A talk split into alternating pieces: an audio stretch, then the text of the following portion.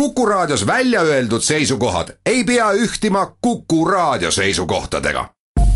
Te kuulate Kuku Raadiot.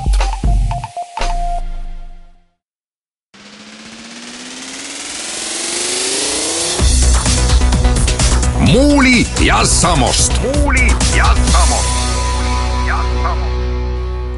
tere, head pühapäeva kõigile, alustame saadet Muuli ja Samost, stuudios on Anvar Samost ja Kalle Muuli ja räägime tänases saates äh, haldusreformist, mille teine lugemine on Riigikogus põhjustanud öö läbi kõnede pidamist, räägime erakondade toetusest, värske uuringu alusel äh, riiklike üürikorterite rajamise plaanist äh,, ÜRO Julgeolekunõukogu ajutiseks liikmeks saamise plaanist. Ja kui saate lõpus aega jääb, siis räägime ka sel nädalal siis Äh, täies mahus avalikuks saanud Panama paberites esinevatest äh, Eesti nimedest. muuli ja Samost.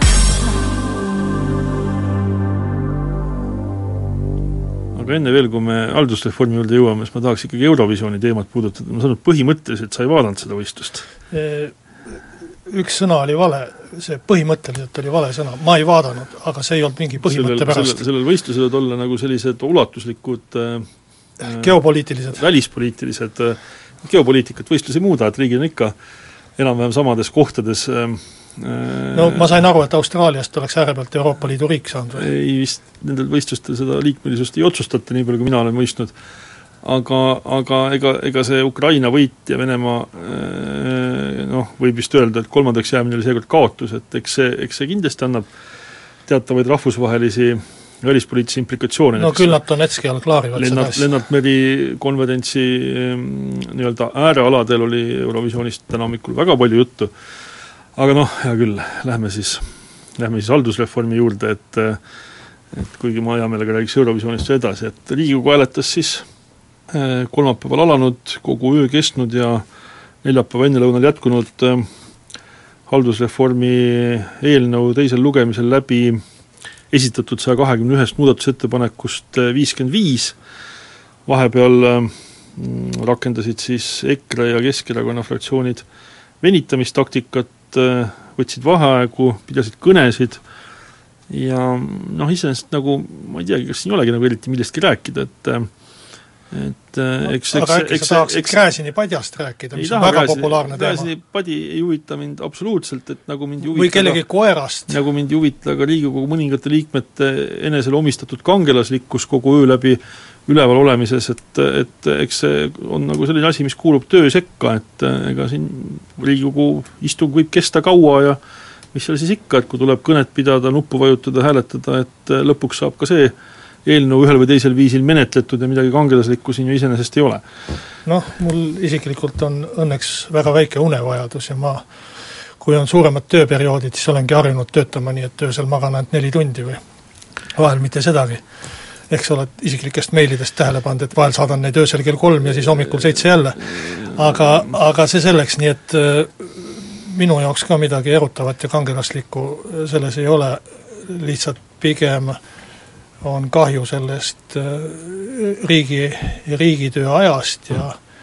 ja, ja millele seda kulutada, on vahe, kas sa teed midagi, millel on nagu sügav ja tõsine mõte, mille, mille käigus sünnib mingi looming, mingi asi, mida, mida kellelgi on vaja, või sa lihtsalt longid sada viiskümmend meetrit oma kabinetist äh, saali, vajutad äh, punasele või rohelisele nupule ja longid jälle tagasi ja, ja samal ajal terve Riigikogu Toompea lossitäis inimesi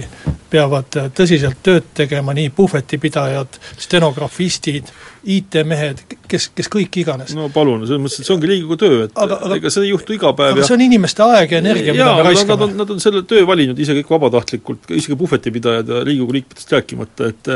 ja nad on teadnud, kuhu nad tööle lähevad, et selles mõttes ma ka sellega ei ole päriselt nõus, et see oleks nüüd mingi tohutu kahju, kahju tegemine või kahjurlus seal selle ööistungitega, et Riigikogu äh, kaks erakonda on valinud oma valijatele ja, ja võimalikele valijatele oma sõnumi edastamiseks sellise täiesti noh, parlamendi praktikasse kuuluva viisi ja nad teevad seda, väga raske on neile seda ette heita, et tegelikult ma arvan, et et jällegi, et ega siin midagi erilist ei ole, et eks on juhtunud varem, juhtub edaspidi, praegu olid need erakonnad, võib-olla kunagi tulevikus on need teised erakonnad, et praegu oli see teema, ilmselt tulevikus on mingi teine teema, et no, et vahel, vahel on ka sel venitamistaktikal olnud reaalseid tulemusi, eh, mitte ainult välja saadetud sõnumi mõttes, vaid ka seadusandluse mõttes, et eh, kõik need asjad on õiged. põhimõtteliselt äh, võiks,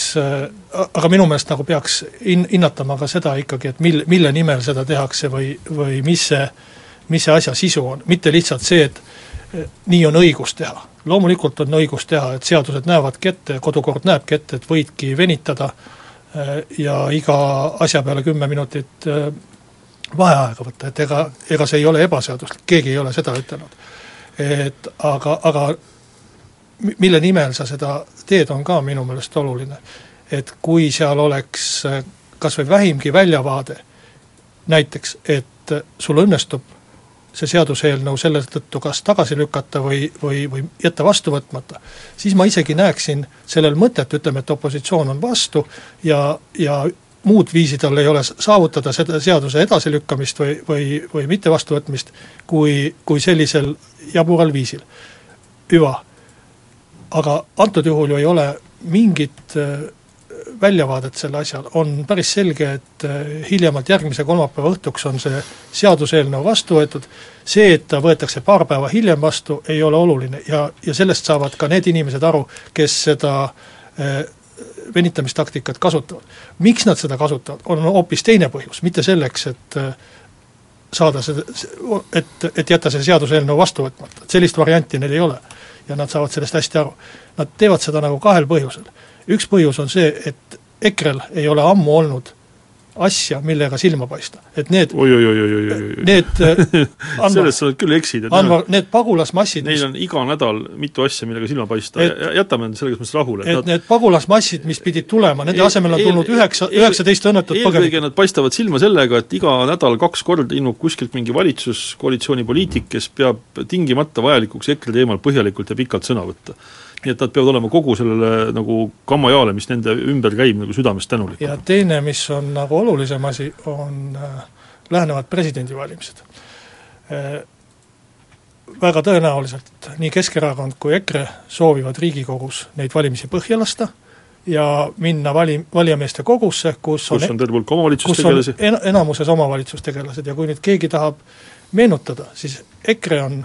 ju Rahvaliidu järglane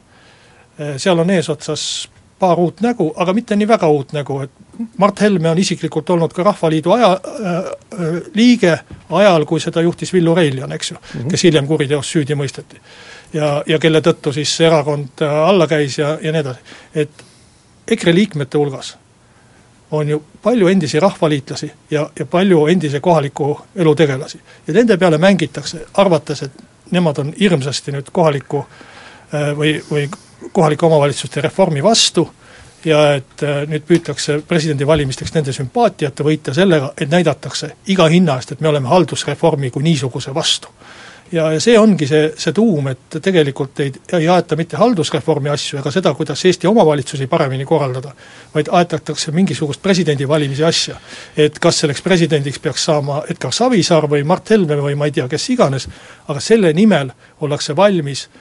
ööde kaupa Riigikogu tööd takistama, et haldusreform põhja lasta no miks nad ei võiks seda presidendivalimiste asja seal Riigikogus ajada, sest et äh, Riigikogu asi ongi presidendi aga valimine. aga siis tulekski seda nii ütelda ma arvan, et ega nad väga ei varja ka mitte, seda. mitte lihtsalt valetada järjekordselt, eks ju.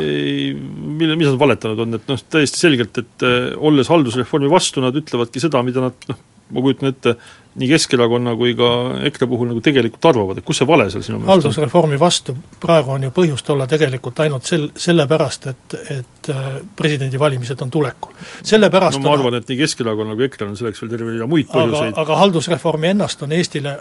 ja suuremaid omavalitsusi päris selgelt vaja. mina ei vaidle, ma lihtsalt ütlen, et mina ei näe seal nagu mingit ebaloogikat jälle, et mis puudutab presidendivalimisi, siis muidugi noh, peaks ka korra sellest selle nädala arengutest üle käima, et et iseenesest see Keskerakonna poolne kandidaatide rohkus äh, isegi ei viitsi hakata nimesid nimetama, et, et eks ta nagu näitab seda, et kui segane ikkagi see Keskerakonna äh, positsioon on ja see võib tegelikult teha murelikuks mitte ainult Keskerakonna inimesi endid, vaid see tegelikult võib teha murelikuks ka neid ähm, presidendikandidaate, kellel on olnud mingi lootus, et äkki jõutakse kokkuleppele presidendi Riigikogus äravalimise peale, sest Keskerakond on omadega ikkagi nii sassis, et esitatakse ühel nädalal ühelt poolt Mailis Reps ja teiselt poolt Peeter Ernits ja siis kutsutakse Äh, juhatusse justkui nagu presidendikandidaadina kuulamisele erakonna esimees Edgar Savisaar, kes teatab, et enne fraktsiooni kuulamisele ei tule, kui ta on seda fraktsiooni tulekut erakonna juhatuses arutanud, no siis tõesti ei ole selle nii-öelda selle fraktsiooni osas küll nagu mingit kindlust, et kas nendega saab mingeid kokkuleppeid sõlmida. äh, või ei saa, et noh, see lihtsalt pigem osutab sellele, et äh, noh, see tõenäosus, et see asi jõuab valimiskogusse, et see on ikkagi erakordselt erakordselt suur. no aga eks seda oli ka arvata, kui inimesed hakkavad ennast ise ilma reaalse toetuseta üles seadma, ma mõtlen ülesseadmiseks vajaliku hulga reaalse toetuse, et, et ta üsna kiiresti muutub palaganiks, sest küllalt ilmub välja neid inimesi, kes noh, kellel ei ole mingit šanssi saada isegi poolt sellest vajalikust toetusest kuskil ja kes hakkavad siis lihtsalt tsirkust tegema. et, et see on see asi, mis sel, sel kombel nagu tuleb iseenesest, et seal aga, ei ole pääsu. aga mis puudutab nüüd EKRE-t ja, ja Mart Helmet, siis ma ühe tähelepaneku teeksin siinkohal presidendivalimistega seoses veel, et et äh, EKRE minu meelest väga sihikindlalt äh, valmistub valimiskogus toimuvateks presidendivalimisteks, et kõik, kes vaatasid viimast ETV Foorumit, nägid, et seal esines hoopis teistsugune Mart Helme, aga me oleme harjunud teda nägema, kes ei räusalnud, kes ei kraagelnud, kes äh, oli saanud noh, mulle tundub, võib-olla ma eksin, võib-olla lihtsalt oli ennast kokku võtnud, äh, esinemiskoolitust, äh, kes äh, oli välja peetud, soliidne, otsis teiste stuudios viibivate poliitikutega ühisosa, võib isegi öelda, et ma arvan, et selline noh, nii-öelda imago muutus või kuvandi juhtimine on neist väga nutikas, et et samas, kui noh, siin teised nagu äh, erakonnad äh, tegelevad äh, noh, sellega, millega tegelevad, siis EKRE tegeleb oma asjaga ja minu meelest teeb seda jätkuvalt äh, noh, kuidas öelda, et murelikuks tegevalt hästi. no kelle teise asjaga nad ikka peaks tegelema, aga, aga mis nüüd veel kord ööistungite juurde tagasi tulles, mis sellisel ööistungite asja juures minu meelest halb, on see, et ta meediakajastuses varjutab asja tegelikku sisu et õige on see, et tavalistel, tavaliselt nendel ööistungitel polegi mingit sisu, et see ongi üks selline meelelahutusüritus äh, või, või ajakirjandusele suunatud äh, üritus, äh, kus siis tõesti ei olegi muud teha, kui Igor Gräzini patja filmida ja, ja kellegi koera näidata ja, ja see ongi siis see, see asi, millest rahvale rääkida, aga seekord oli siiski haldusreformil äh, nii palju nagu sisu ja sellel konkreetsel arutlusel ka, et äh, minu meelest oleks võinud seda küll kajastada ja see jäi just nimelt nende Igor Gräzini patjade ja, ja kaasa võetud koerte varju. et äh, tegelikult ju peeti öösel kella peaaegu neljani või poole neljani peeti kõnesid, millest osad olid venitamiskõned, aga osad olid ka päris sisulised kõned ja kui ja kui rääkida nendest parandusettepanekutest, mida seal vuhiti hääletada, siis äh, tegelikult äh, noh, ajakirjandus võiks kajastada natuke nende vaidluste sisu ka selle poole pealt, et minu meelest Vabaerakonnal ja, ja, ja võib-olla et äh, mõnel veel oli ka, ka sisulisi ja, ja tõsiseid noh, selliseid väitlusi või arutlusi vaja, vajavaid ettepanekuid, aga noh, nendest ei, ei ilmu ajakirjanduses kippu ega kõppu, sellepärast et kogu see ööistungi melu või show röövib kogu tähelepanu ja, ja võtab enda poole, no kas või, kas või selline põhiküsimus, mille üle tegelikult ju, ju võiks arutleda ja vaielda. ja, ja mille üle on, on ka valitsuskoalitsioonis endas olnud palju arutelusid, aga on jõutud äh, siiski nagu kokkuleppele, et kui me teeme suuremad kohalikud omavalitsused, kas siis peaks kohe praegu teoreetiliselt ära määratlema ka nende ülesanded, funktsioonid, äh, nende tulubaasi raha mis nad nende ülesannete täitmiseks saavad no,. see on ju üks Keskerakonna vastuväide sellele, miks nad praegu selle eelnõule vastu hääletavad. see, see on üks äh, olulisi vaidluse kohti ja üks minu meelest ka õigesti oluliselt esitatud küsimusi, aga sellele on, on ka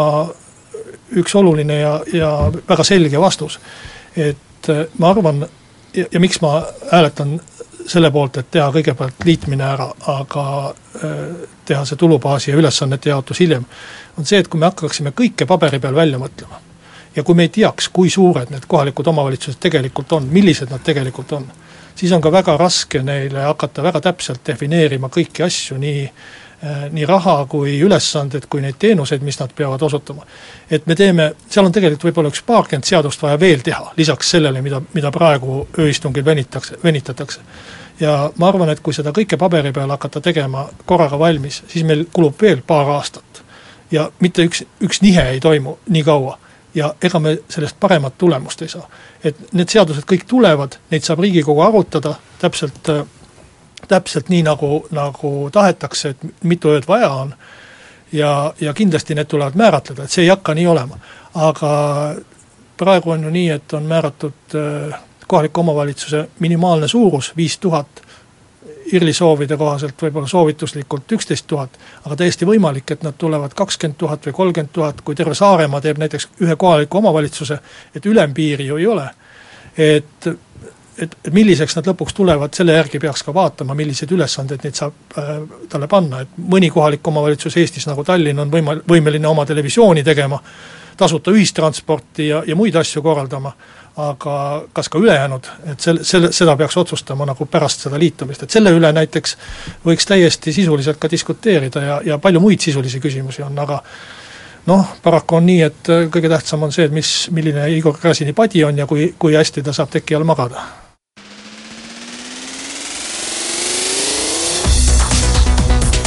muuli ja Samost. muuli ja jätkame saades, saadet siis värskelt tulnud reitingutega, küsitlus siis aprilli lõpus, mai alguses andis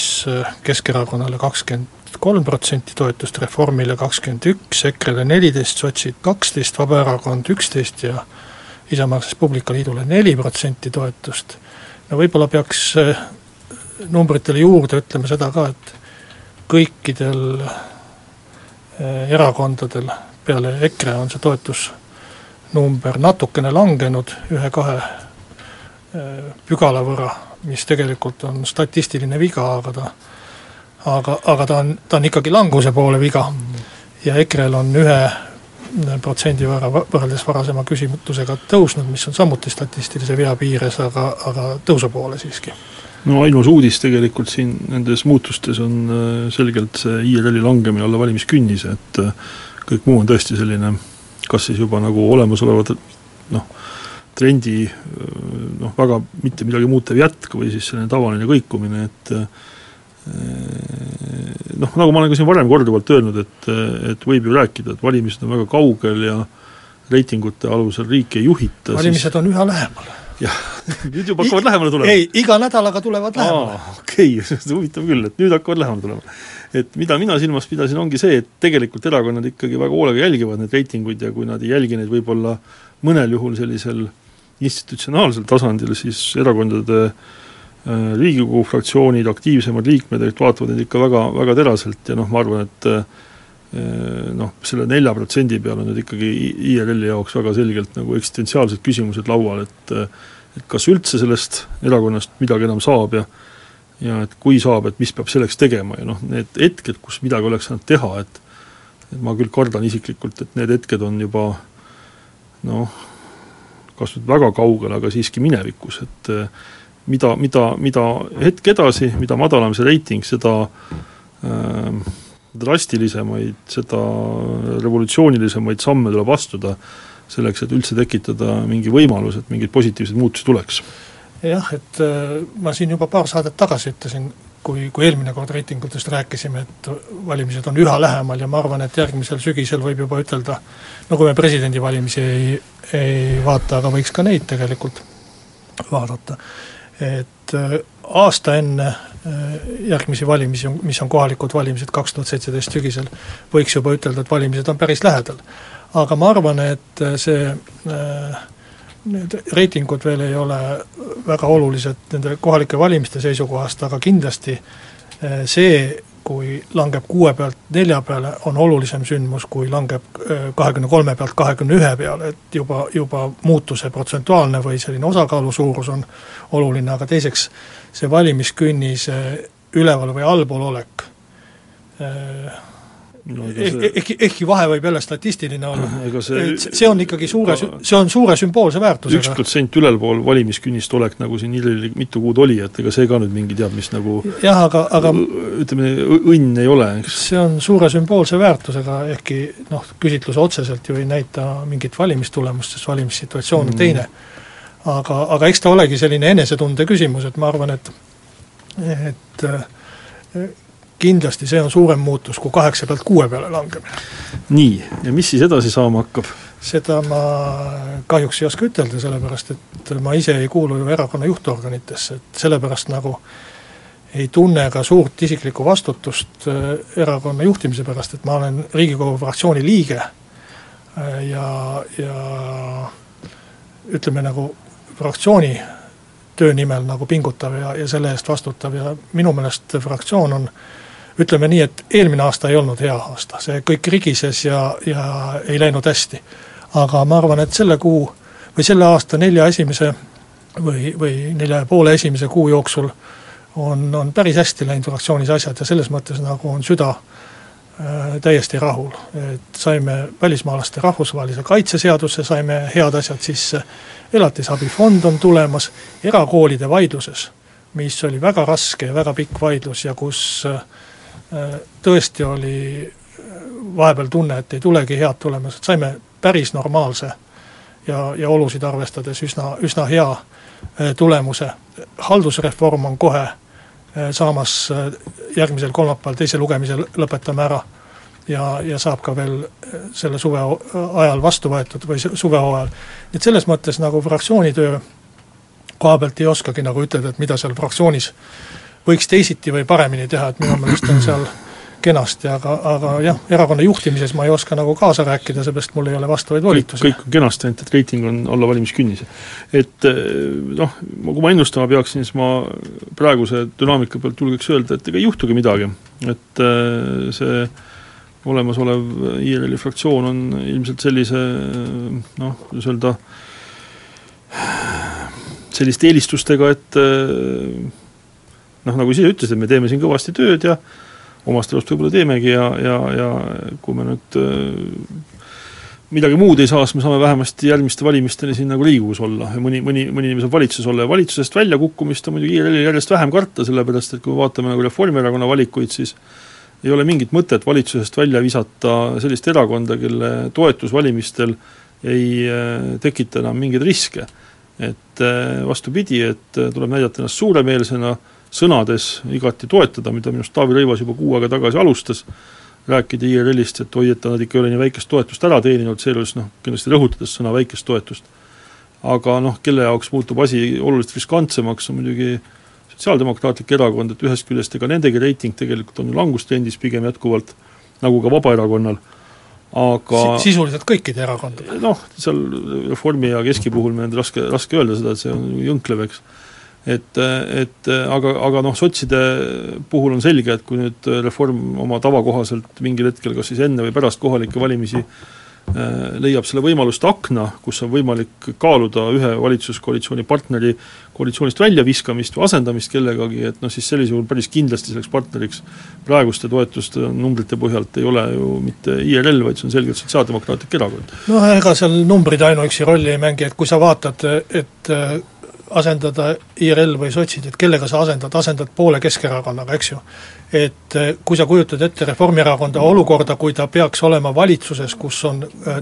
tema partneriteks korraga sotsiaaldemokraatlikud, eh, sotsiaaldemokraadid ja Keskerakond, kes ju kumbki ei ole ikkagi mingi parempoolse maailmavaate või, või Reformierakonnale lähedase maailmavaate kand-, kandjad, et ega see sõltumata no,, sõltumata numbritest, ei, ei oleks see nagu parem ja, koalitsioon. ma räägingi, et noh, et eh, samas kui seal ja. on nii-öelda niisugused pooltänulikud keskerakondlased koos IRL-iga, noh siis on see ju Reformierakonna jaoks vaata, et selline unistuste unistuste koalitsiooni koosseis, et ma saan aru, et täna õhtul kuskil äh, kinnisel üritusel Jevgeni Ossinovski peab mingi olulise kõne, aga, aga kui ma õigesti mõistan, siis see keskendub mitte sellistele Sotsiaaldemokraatliku Erakonna ees seisvatele olulistele poliitilistele väljakutsetele, vaid pigem nagu jälle EKRE-le, aga võib-olla ma eksin, et minu eelinfo on vale, et et no sotsidel kindlasti on palju mõtlemist, et ega, ega, ega see väljavaade äh, ei ole teab mis tore praegu. no ei maksa hakata jälle rääkima seda juttu, et kohe valitsus laguneb, et seda on räägitud juba kevadest saati. ei, ma ei ole rääkinud Kõige, kõigepealt ta pidi lagunema eks, juba sügisel, siis ta pidi jälle kevadel eks, lagunema, nüüd ta laguneb jälle, aga seda ei ole karta, et IRL valitsusest ära läheks, kuigi see oleks ilmselt kõige targem samm, mida praegu seda teha. ei ole karta ka, et sotsid ära läheksid, et jah, sellepärast, et sotside on..., sotside fraktsioon on täis asendusliikmeid ja lihtsalt inimesi, kellele väga meeldib valitsuses olla, eks aga see, et sotsid mingil hetkel valitsusest välja visatakse, noh ma arvan, et selle peale võib praktiliselt kihla vedada. Mingil hetkel lagunevad kõik valitsused, aga, aga praegu ikkagi on keskendatud äh, asi presidendivalimiste läbiviimisele ja ma ei usu, et keegi hakkaks enne seda mingeid valitsusmuudatusi siis, tegema. kui võimalust aken avaneb, ei loomulikult praegu ma arvan, et ma, ma olen, olen kuulnud, ma ei tea, kas see ka vastab tõele, aga et Marina Kaljuranna kampaaniameeskonna inimesed käisid sotside ühe tiiva juures rääkimas, et kui ikkagi saaks Riigikogus nagu sotside fraktsiooni hääled Kaljurannale taha, äh, et siis äkki saaks Sven Mikseri panna vabanevale välisministri kohale, et loomulikult niikaua, kui on võimalik selliseid pakkumisi teha, neid pakkumisi tehakse, aga ma ütlesin, et siis, kui avaneb mingi teistsugune võimaluste aken, äh, kus sotse ei ole enam vaja, isegi mitte sellisel põhjusel, et küllap siis nagu ka tehakse teistsuguseid samme. muuli ja Samost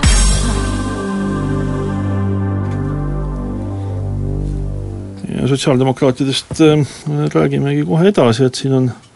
sotsiaaldemokraatidel kuidagi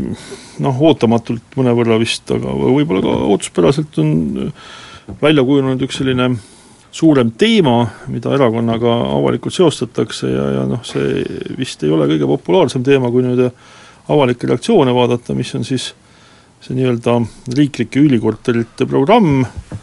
selle põhiliseks eestvedajaks on ettevõtlusminister Liisa Oviir ja kui see lühidalt kokku võtta, siis see tuleb riigieelarve strateegiast, et äh, järgmiseks äh, neljaks aastaks on siis ette nähtud seitseteist ja pool miljonit eurot, mis ühest küljest ei ole nüüd teab mis hiiglaslik raha, aga samas noh, mingit kortermaju annaks selle eest püsti panna küll. Ja, ja noh, eelkõige milles on siin vaidlusküsimus, on see, et äh, kuna neid kortermaju, ma saan aru, sotside kava kohaselt oleks kavas ehitada Ida-Virumaale ja Kagu-Eestisse, et siis küsimus on, et äh, et kas see ei ole mitte natukene ebaratsionaalne, et noh, mitte kõvemini väljenduda, et ehitada korterid piirkondadesse, kus,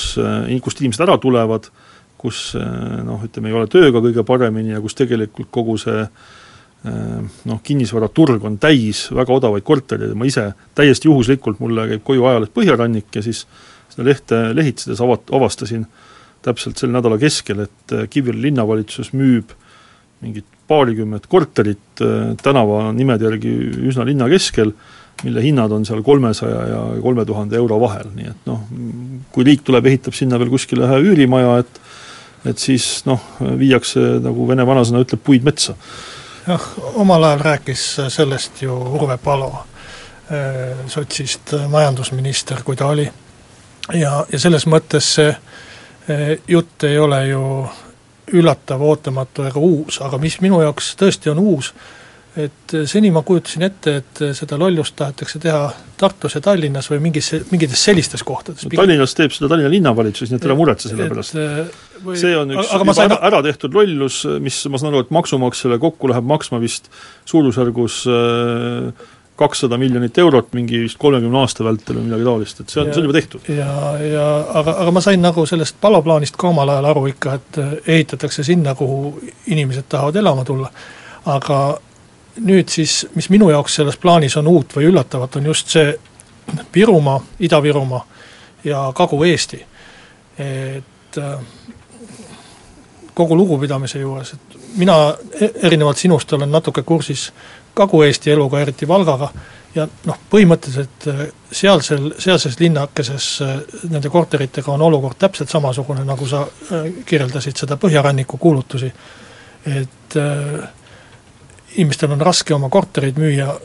pigem tuleb noh, se-, sellise vana kasutatud auto hinnaga neid ära anda.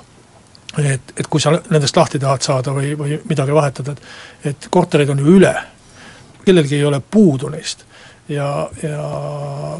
hinnad on nii madalad, et kui riik sinna ehitaks mingisuguse uue maja uute korteritega, siis ainuüksi sel hetkel, kui see lint läbi lõigataks ja, ja see maja vastu võetakse, esimene elanik üle ukse astub, et selle maja väärtus, noh, kujuteldav müügiväärtus või mis iganes, langeb vähemalt poole võrra, kui mitte rohkem. et, et isegi kui me arvestame, ma ei tea, mis iganes muude kasudega, riik hävitab oma raha seal, nii et seda no, nägu on. Ja, ja, ja kellele neid korterid seal vaja on? et äh, sinna peaksid ju mingisugused töökohad minema, et ettevõtlusminister, nagu äh, Liisa Oviir on, ta peaks töökohti looma. siis lähevad inimesed sinna ise ja korteritest seal puudu ei ole. ja kui, kui on puudu, siis eraettevõtjad, ehitusettevõtjad ehitavad neid kortereid sinna. no isegi noh, ütleme niimoodi, et Ida-Virumaal teemal rääkides, et äh, kui tegemist on nende inimestega, üksikute inimestega, kes käivad Ida-Virumaa suurtes tööstusettevõtetes, juhid äh, Tallinnas siis tööle niimoodi, et esmaspäeva hommikul lähevad ja seal kuskil nädala lõpus tulevad, et äh, kui ma, mälu mind ei peta, siis kuskil pool aastat tagasi Eesti Energia just öö, äh, otsustas, et nende üsna uhke selline külaliskorteritega maja Kohtla-Järvel, et, et sellest loobutakse, müüakse maha, et kuna tegelikult isegi nendel väga maksujõulistel öö,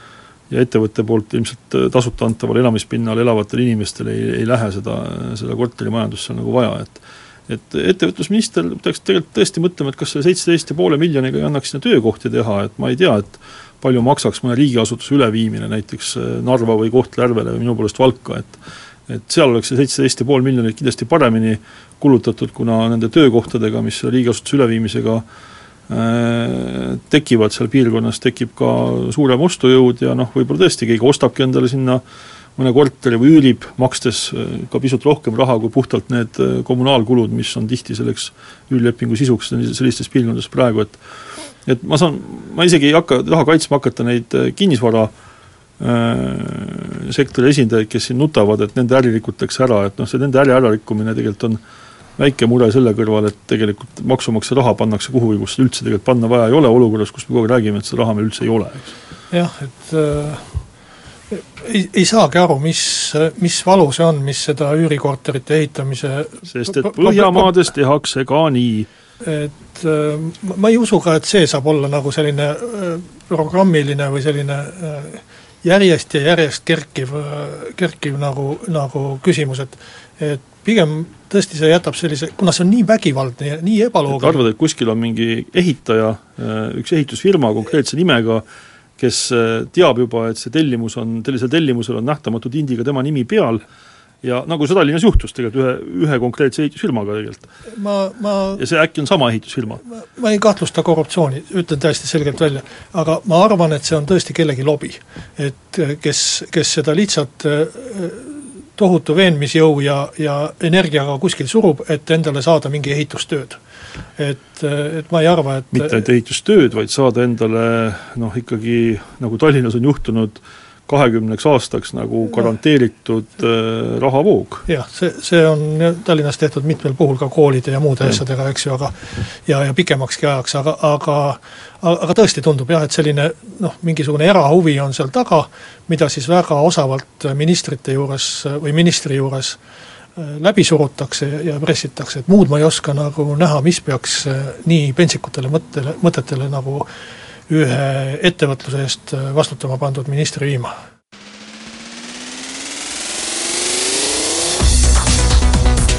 muuli ja Samost. muuli ja Samost.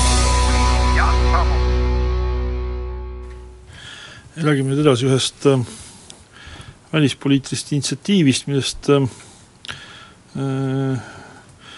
mis, mis, mis, mis tegelikult on mingis mõttes nagu märgiline, et ta on jälle selline nagu äh, jutt on siis Eesti pürgimisest ÜRO Julgeolekunõukogu ajutiseks liikmeks, et, et see on jälle minu meelest selline äh, huvitav näide sellest, et kuidas äh, Eestil nagu ühest küljest ei ole äh, raha ja aega ja inimesi, et tegeleda oluliste asjadega, aga, aga nii-öelda mingite asendustegevuste jaoks leitakse seda, seda nagu alati, et ma, ma ei taha öelda, et see on sada protsenti nüüd ekslik eesmärk ja, ja kui meil oleks nagu mingisugunegi selge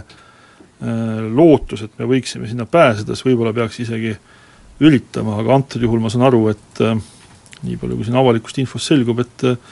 et ainukene, mis, mis meie kasuks räägib, on see, et et peaminister ja, ja valitsuserakond, tema erakond on nagu veendunud, et see on hea mõte ja ja ka mõned diplomaadid arvavad, ma ei tea, kas siis siiralt või mingitel muudel kaalutlustel sedasama, et et ma, ma ei ole ka eriti aru saanud, et mida, mida tegelikult ikkagi see ÜRO Julgeolekunõukogu ajutiseks liikmeks olek peale suurte kulude, mis sinna kampaaniale eelnevad ja ja, ja, ja kõikvõimalike selliste Eesti väärtustega vastuollu minevate kompromisside, mis sinna pääsemiseks tuleb teha ilmselgelt,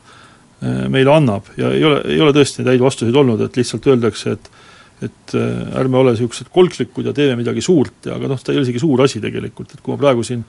kasutaksin noh, ebaviisakalt ja tegelikult nõmedalt oma, oma võimalust ja küsiksin Kalle käest, et äkki sa nimetad mulle mõned praegused ÜRO Julgeolekunõukogu ajutised liikmed, siis Kalle ilmselt ei oskaks neid nimetada. Nad äh, vahetuvad aga, ja, ja sellepärast aga, ma tõesti hetkeseisuga ei ole kursis. ausalt, et aga mina ka ei oska. et ainuke asi, mis meelde tuleb, on see, et aastal kaks tuhat kaksteist Soome, Soome, Soome, Soome pürgis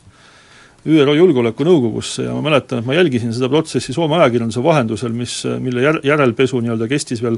rohkem kui aasta Soome ajakirjanduses ja see osutus väga suureks pettumuseks, et Soome ei pääsenud sinna, tegi väga suuri kulutusi, eh, pidi eh, noh, ma saan aru, et andma kõikvõimalikke veidraid lubadusi mingisugustele ebademokraatlikele riikidele kuskilt arengumaade hulgast, kelle hääled on ju kõik väga olulised, kuna seal ÜRO-s on kõik riigid koos ja lõpuks jäi kõigile sellest ainult selline noh, pettumuse tunne, et, et ja noh, teine see Leedu näide, mida on siin selle Julgeolekunõukogusse pürgimise pooldajad armastavad tuua, et ma arvan, et Leedu ei võitnud sellest eriti midagi. Et äh, minul ei ole väga selget seisukohta, kummale poole peaks selles vaidluses äh, hoidma või mida toetama, et mu seisukoht on, et äh, kui selline idee on, siis tuleks seda arutada ja, ja selle arutelu käigus siis võiks välja tulla see, mis on hea ja mis on halb ja et siis on nagu võimalik ka midagi selle kohta arvama hakata või oma seisukohta kujundama. et äh, seal on mõningaid kulusid, mis esiotsa tunduvad, et ei ole väga suured. Äh,, teiseks kindlasti Eesti välispoliitikud tahavad rahvusvahelistes asjades kaasa lüüa. Kindlasti annaks see neile uut ja, ja palju, senisest palju suuremat kogemust, et võib-olla see ei ole hea võrdlus, aga ma võrdleksin, et umbes sama, kuidas Eesti äh, kaitsejõud äh, või, või sõjaväelased tahavad siis äh, rahvusvahelistes missioonides või rahvusvahelistel õppustel kuskil seda väl, välismaal käia. seda ma ei võrdleks omavahel. et, et, et ma ütlen ühe olulise vahe vahele, et missioonidel Eesti riik käib oma liitlastega, aga ÜRO-s me oleksime sunnitud asju ajama riikidega, kellega me muidu tegelikult üldse mitte mingit äh, tegemist teha ei taha ja kelle nagu noh, eks me lõpuks hääletame ikka oma liitlastega ühtemoodi, aga vaat see on nüüd teine asi, et sealsamas ÜRO Julgeolekunõukogus võib juhtuda, et me saame endale juurde vaenlasi ka oma liitlaste seas, kui me seal ajutise liikmena peame mingeid valikuid tegema, et see ei ole mõistlik plaan. väga, väga õige, sellepärast et, et selliseid asju tulekski arutada, üks asi, mis seal ju tekib, on see, et me peame hakkama võtma seisukohti äh, suurtes maailmapoliitilistes küsimustes, milles me seni ei ole pidanud seisukohti võtma. me oleme saanud neid teha hästi niimoodi madala profiiliga ja ja mis tegelikult Eesti nagu huvidest jäävad noh, ütleme niimoodi siiski suhteliselt kaugele, et ma juba kujutan ette, kuidas ma saan mingi kolklikkuse silte kaela siin, aga nii see tegelikult on, et riikidel on huvid ja noh, Eestil on ka omad huvid. Ja noh, näiteks Eesti huvi on korraldada sedasama praegu täna lõppevat Lennart Meri konverentsi Tallinnas võimalikult hästi, muide ma tulen just sealt otse ja noh, suurepärane, suurepärane üritus taas, väga palju ameeriklasi, väga palju väga olulisi poliitikuid, eksperte, ametnikke, diplomaate üle kogu maailma selle, selline, selle, selle Lennart Meri konverentsi hästi korraldamisele kulutatud raha eh, on kindlasti palju paremini kulutatud raha kui ÜRO Julgeolekunõukoguga liitumise nurjunud kampaaniale kulutatud raha. nii et minu meelest on seal nii poolt kui vastuargumente ja, ja selle, seda peaks arutama, natuke aega on arutada, ja selle üle võiks vaielda, aga vaidlema peaks mitte nii, et jah, jah, lähme, ei, ei lähe, et tegelikult võiks ikkagi äh, natuke detailsemalt ja, ja konkreetsemalt neid argumente välja tuua, et mida me siis võidame, mida me kaotame, millised on meie riskid, millised on ohud ja, ja kas meil seda tõesti ikka vaja on, aga iseenesest eh, noh, sellised äh, suured pürgimused on alati ahvatlevad ja sellepärast võiks arutada neid. muuli ja Samost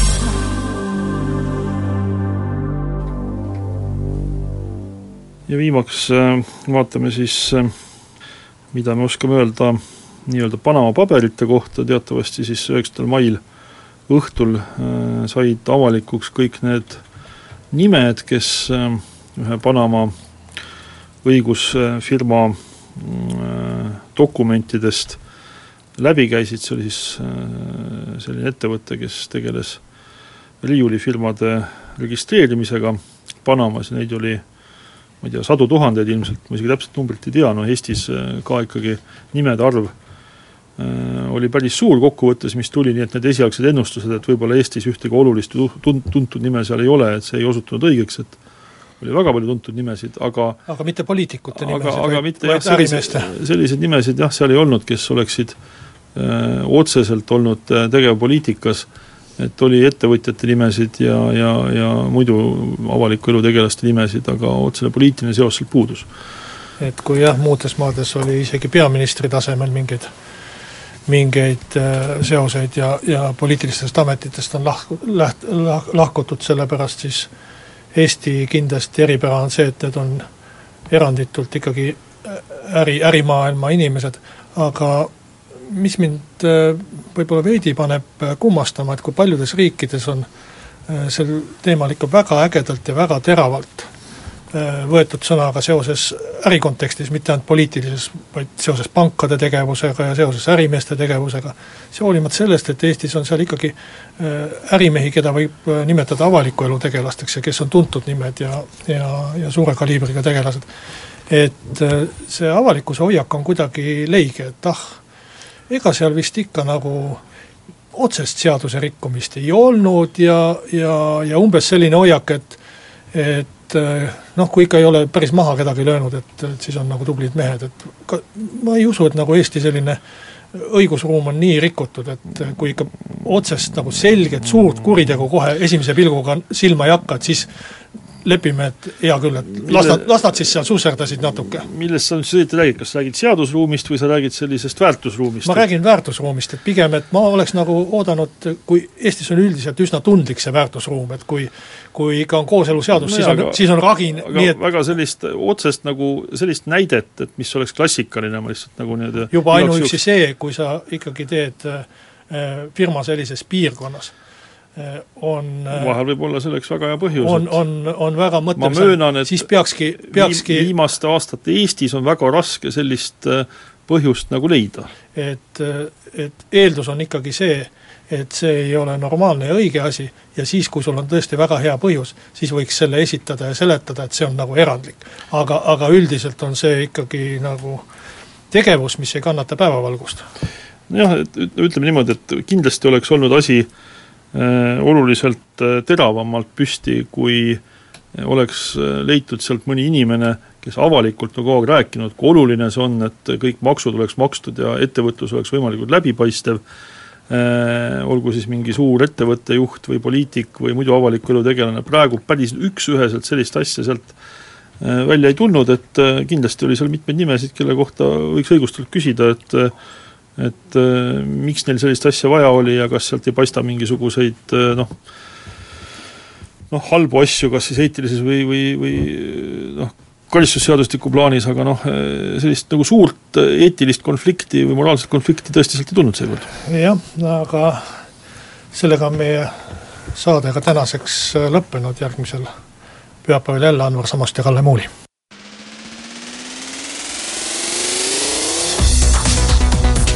Muuli ja Samost. muuli ja Samost.